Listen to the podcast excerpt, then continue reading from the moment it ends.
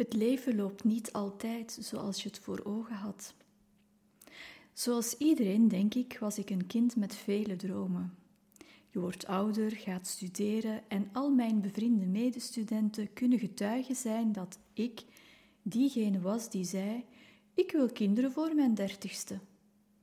Het liep totaal anders. Ik ben de enige single van de groep. De kinderwens ging voor sommigen jammer genoeg ook niet in vervulling. Het is nog steeds niet mijn favoriete onderwerp, maar ik gaf het een plek, aanvaarde wat is.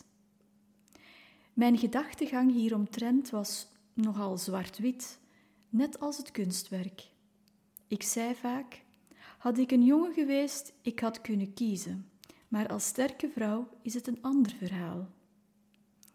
Met de tijd ontdekte ik dus dat alle werken die ik aanschafte vanuit een buikgevoel een rode draad waren van mijn leven in de volgorde van aanschaf. Onbewust schreef ik mijn eigen dagboek aan de hand van kunst.